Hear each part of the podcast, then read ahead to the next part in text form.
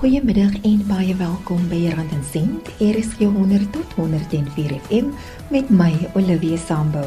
Elke 10 jaar of so geskiedkundig was daar een of ander strespunt in beleggingsmarkte. Maar mense wat kritiese denke en kalmte gebruik het, het baie keer daardeur gekom. Martiens Barnard is 'n bemarkingsaktuaris by Momentum Beleggings. Vandag gesels hy oor die verskillende faktore wat ons besluite beïnvloed en hoekom ons 'n onderskeid moet tref tussen instink en kritiese denke wanneer ons belangrike besluite moet neem. Feit dat jy baie keer jou instink moet gebruik is definitief daar. Weet jy wat as jy gaan kyk na enige iemand wat jou hand op 'n plaat druk, daai reaksie om jou hand weg te ruk. Dis nie 'n kritiese denke nie. Dit is jou instink. Jy gebruik jou gut en jy sê vir jouself, weet ek moet dadelik my hand hier wegkry. Maar weet jy wat? As jy jou instink gebruik in beleggings, dan begin jy nou bietjie op die verkeerde gedeelte van jou brein te rely as ek daai woord kan gebruik. Jy is besig om die gedeelte van jou brein te gebruik wat nie altyd na kritiese denke kyk nie en dit kan jou baie baie tot duur te staan kom in die langtermyn jy raak basies baie keer die saboteur van jou eie beleggingsplan. Alles wat jy ervaar word in jou brein gestoor en verwerk en hierdie ervarings beïnvloed die verskillende denkprosesse wat plaasvind. En hulle praat basies van jou kognitiewe denke. Dit is basies waar jy dink, waar jy redeneer, jy onthou goed. So jy gebruik selfs vorige ondervindings om nuwe dinge uit te dink. Nou dis jou kognitiewe denke. 'n Mens moet besef, nê, As jy net op jou kognitiewe denke staat maak, kan jy partykeer ook selfs foute maak. As jy gaan kyk na iemand se denkproses, mense in hulle denkprosesse het bou basiese reëlboek op. Dis maar basies hoe mense brein werk. Jy vat verskriklik baie inligting en jy verpak dit en verpak dit totdat jy baie vinniger tot besluite kan neem. Ek sal nie sê daai besluite is altyd so vinnig soos 'n rule of thumb waar jy basies net een of twee stukkies inligting kry en dadelik 'n besluit maak op jou instink nie, maar selfs al doen jy al gaan jy in kritiese denkwyses in, is daar nog steeds 'n reëlboek wat jou brein gebruik om al hierdie stukke inligting wat na jou toe gegooi word, basies te verpak en jou te kan help om by besluite uit te kom. So ja, kritiese denke is van enorme belang vir 'n mens en om basies beter besluite te maak. As mens gaan kyk na kritiese denke, moet mens besef ook soos die brein gevorm is deur die jare en hoe die brein werk. Dis 'n verskriklike ingewikkelde proses wat wat die mens al vir jare lank studeer. Jou brein vat baie keer kort baie om tot by besluite te kom. Hulle praat van 'n cognitive distortion. In jou kognitiewe denkwyse is daar baie keer afwykings. So jy dink verkeerd. En dit is nie net 'n ander mense wat verkeerd dink nie. Ek en jy Olivia, ons dink ook baie keer verkeerd want ons brein kan nie al die al die inligting wat na hom toe gegooi word altyd verpak om by die regte besluit uit te kom nie. In tye soos COVID-19 waar daar geweldig baie stres is. Behalwe vir die stres dat mense kan siek raak en en jy bang is vir jou geliefdes, is daar ook nog finansiële stres op. En al daai stres maak dat mense baie keer wegbeweeg van kritiese denkwyse af en ewe skielik begin om net hulle instinkte te volg. En wie daai instink en daai rule of thumb, soos ek gesê het, kan baie keer vir jou nog groter verliese maak in die beleggingsveld. Ons brein skei sekere chemiese stowwe af wanneer ons onder druk is en dit kan ons oordeel negatief beïnvloed. Ons moet besef heidaglik met alles wat gebeur, gaan jou brein kortisol afskei.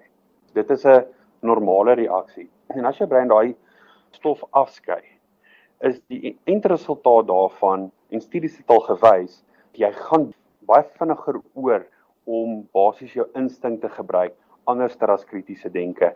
Dis goed vir die grotmens, maar dit is baie keer swak vir beleggers. Verskeie faktore dra by tot die besluite wat jy neem. Ek dink 3, 4 jaar terug het die OECD, die Organisation for Economic Cooperation and Development, 'n studie genoem en hulle basies gaan kyk na kognitiewe afwykings of cognitive distortions.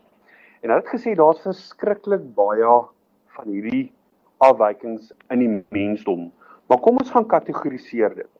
Kom ons vat al hierdie besluitnemingsprobleme en gaan kategoriseer dit. En ons gaan sê daar's besluitnemingsprobleme wat inval in een van hierdie volgende vier kategorieë. Dit is basies 'n raamwerk. Van hulle val in onder A, van hulle onder B, C en D. OK, so A is attention, dis aandag. B is die belief system. C is die choice en D is determination deursettingsvermoë. Die aandag, jou glo stelsel, hoe jy dink dinge werk die besluite wat jy neem en deursettingsvermoë. So kom ek praat 'n bietjie met jou oor hierdie vier tipes kognitiewe afwykings wat mense het as hulle besluite maak. OK, so eerstens 'n mens se brein word basies tot so ongeveer 18 miljoen stukkies inligting per sekond aan blootgestel. Dis alles wat jy sien rondom jou, dis wat jy ruik, dis wat jy dink, dis wat jy proe. Dis verskriklik baie inligting maar jou brein het nie vermoë om alles dadelik te verwerk nie. So jou brein kan ongeveer 120 stukkies inligting verwerk. Dis natuurlik 10 keer minder as 'n modem in die laat 1980s. Kom ons vat byvoorbeeld 'n voorbeeld en sê twee mense staan voor 'n transaksie. Okay, hier's 'n nuwe eiendom wat hulle kan koop, albei die geld om dit te kan doen. Maar hoe hulle glo oor eiendom en of hulle gaan besluit wie ek gaan hierdie geld neersit om my eiendom te koop word definitief gedryf deur dinge wat in hulle verlede gebeur het. Oor hoe jy in die huis waarin jy groot geword het, hoe jou ouers se besluite was oor belegging. As jy 'n huis uit gekom het waar jou ouers byvoorbeeld beleggings gehad het vir jare en jare lank en die beleggings het net nie goed gedoen nie, gaan jy baie moeilik of jy gaan baie anderster dink en jou stelsel wat jy gebruik om te glo gaan basies baie anders ter wees jou glo stelsel. Dit inform natuurlik die volgende. Choice is dan in die volgende kategorie. Jou glo stelsel gaan beïnvloed hoe jy jou besluite maak. En behalwe vir dit, daar's ook verskriklik baie studies al gedoen wat sê mense neem irrasionele besluite.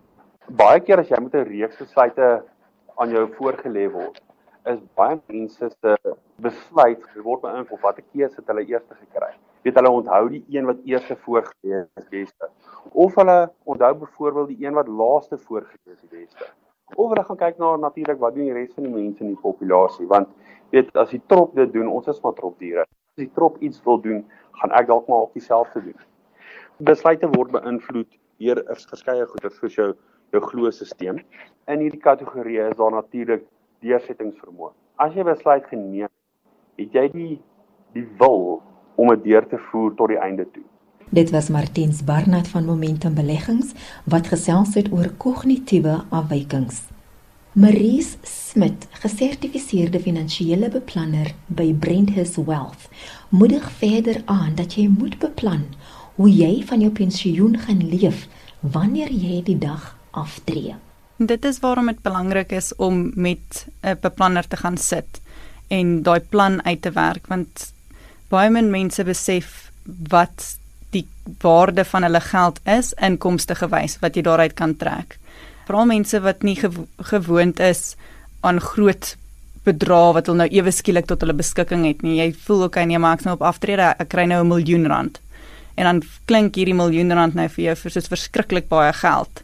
Maar jy besef nie hoeveel inkomste jy daaruit kan trek vir die periode waaruit jy nou nog moet beplan nie want kom ons sê jy tree af op 65 dan het jy nog 20 25 30 jaar termyn waarna jy moet kyk om vir jou 'n volhoubare inkomste daaruit te kan trek. En dan wanneer jy begin sit en dink okay hierdie bedrag geld wat ek nou het dit moet so bestuur word sodat dit nie uitgeput word vir daai termyn nie. En dan ewe skielik besef jy okay maar dis dalk nie so baie geld nie Dit was Marie Smit van Brenthus Wealth. Ek is Olivia Sambo en jy luister na Rand en Sent. COVID-19 het baie mense tot by die afgrond van finansiële uitwissing gebring. Dit het gelei tot desperaatheid waar sommige na grashalms gryp met die hoop dat hulle vinnig 'n ekstra inkomste kan maak. Maar ongelukkig word die situasie nou uitgebuit deur ongenaagbare skelms wat verskeie metodes gebruik om jou van jou geld te beroof. As iemand wil glo dat hulle oornag vanuit 'n desperate posisie kan gaan na 'n absolute floreerende posisie, wil ek net sê dis dis absoluut naïef. Jy gaan ontsettend baie pyn ervaar in terme van finansiële besluite. Ek is Olivia Sambu, welkom terug by Rand en Sent. RSG 100 tot 104 FM. Rikus Nel, geakkrediteerde finansiële adviseur by PSG Wealth, glo daar is verskeie redes hoekom mense valse beloftes van rykdom glo. Maar daar is vrae wat jy jouself moet vra voordat jy afskeid neem van jou geld. Natuurlik is daar baie keer 'n hoë mate van desperaatheid wat ter sprake is. Met ander woorde, mense is regtig in die knyp. Hulle sien nie 'n ander alternatief nie.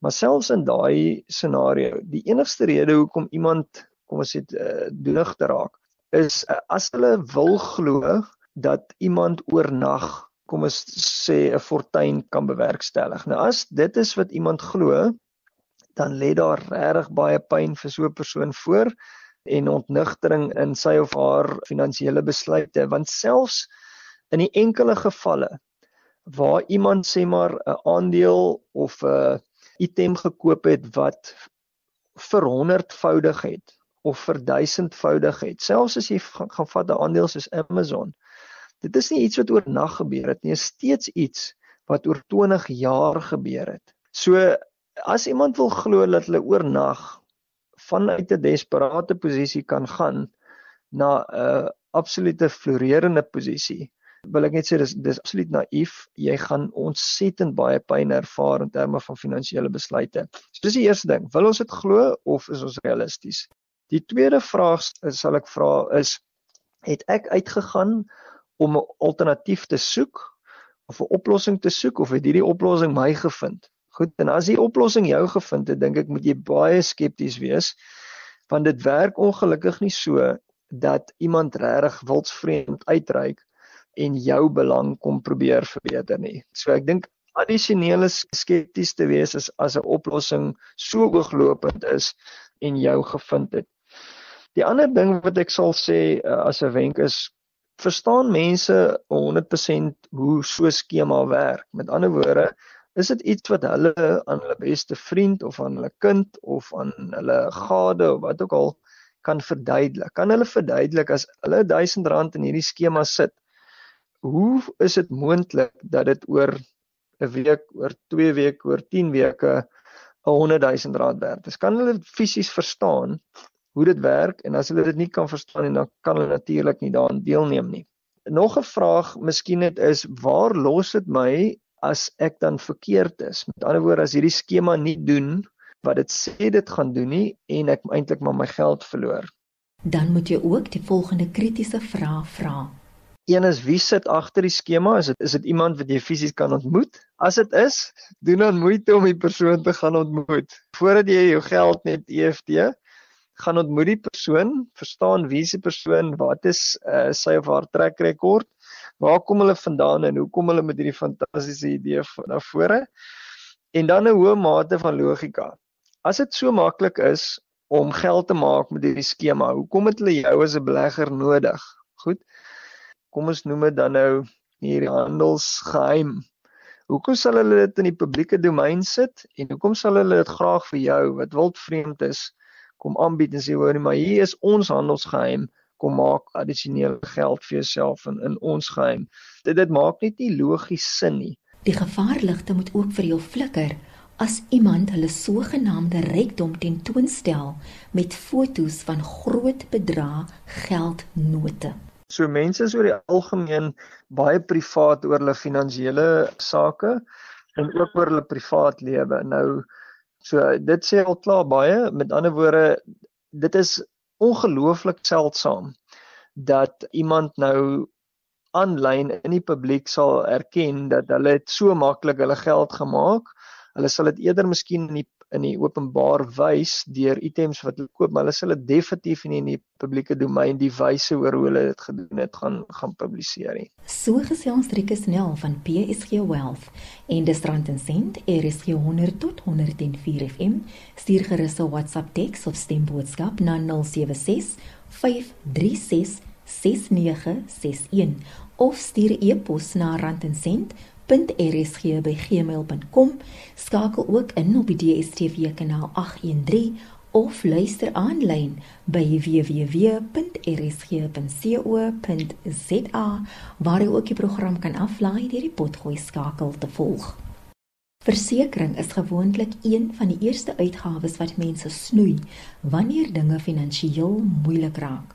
Maar Dr Franco van Wyk, sagte ware ontwikkelaar by Comperisure, sê hoewel COVID-19 hulle geraak het, sal hulle eers later kan vasstel of daar 'n afname of 'n toename in hulle syfers was so veral in die vroeë gedeeltes van die inperking het het ons 'n toename in die syfers gesien in beide die aantal polisse wat verkoop word asook die gemiddelde premie per polis. So ek dink die mense het, het besef wel hierdie groot pandemie is nou op ons.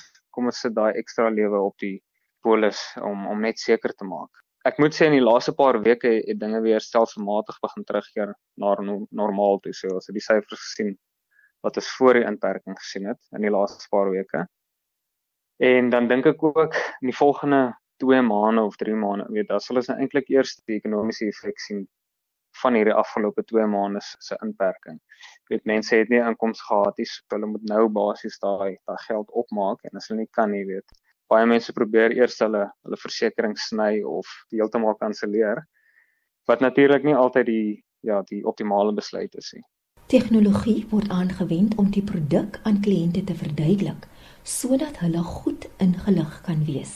En dan die ander ene is ook om mense aan te raai om weet om na ander opsies te kyk. As hierdie produk nie dalk vir jou gepas is nie, gebruik hierdie digitale tools tot jou beskikking en en soek na ander produkte wat meer geskik is vir jou vir jou huidige situasie. Soos as jy nie nou 'n 'n premie van R400 kan bekostig nie, maar jy kan wel 'n premie van kom ons sê R200 per maand bekostig. Soek 'n produk wat vir jou pas in hierdie omstandighede en as dinge beter lyk in die toekoms, jy weet, dan dan is die opsie altyd daar om meer lewens op die polis te sit of, of dalk na ander produkte te kyk.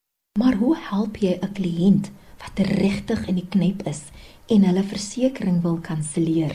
Baie moeilike vraag, maar aan die einde van die dag kom dit weer terug na om die kliënt se behoeftes te verstaan, om hulle huidige hulpbronne te verstaan, weet hoeveel kan hulle bekostig. Kom ons sê hulle kort 500 000 rand versekerings, maar hulle kan dit nie bekostig nie. Dan is daar geen nut in om 'n vir hulle produk te skryf wat daardie 500 000 rand wel verseker, maar teen 'n premie wat hulle nie kan bekostig nie. Dit veral net as jy as die premies lapse soos ons sê, dan is al daai geld wat hulle tot dusver betaal het ook dan verlore en dan het hulle nie meer versekerings of daai dekking nie. Dit probeer die kliënte regtig so wys as moontlik maak ten opsigte van die features van die produkte en dan om hulle op te lei in in, in wat dit beteken presies vir hulle en en wat se gemoedsrus hulle kan kry indien hulle hierdie produk dan uitneem of of dan nie. Dit was dokter Franco van Wyk van Comperisure. Ek het ook gesels met Rieke Snell van PSG Wealth en Martiens Barnard van Momentum. Ek is Olivia Sambo en ek groet tot volgende Sondagmiddag om 4uur net hier op Rand en Sent.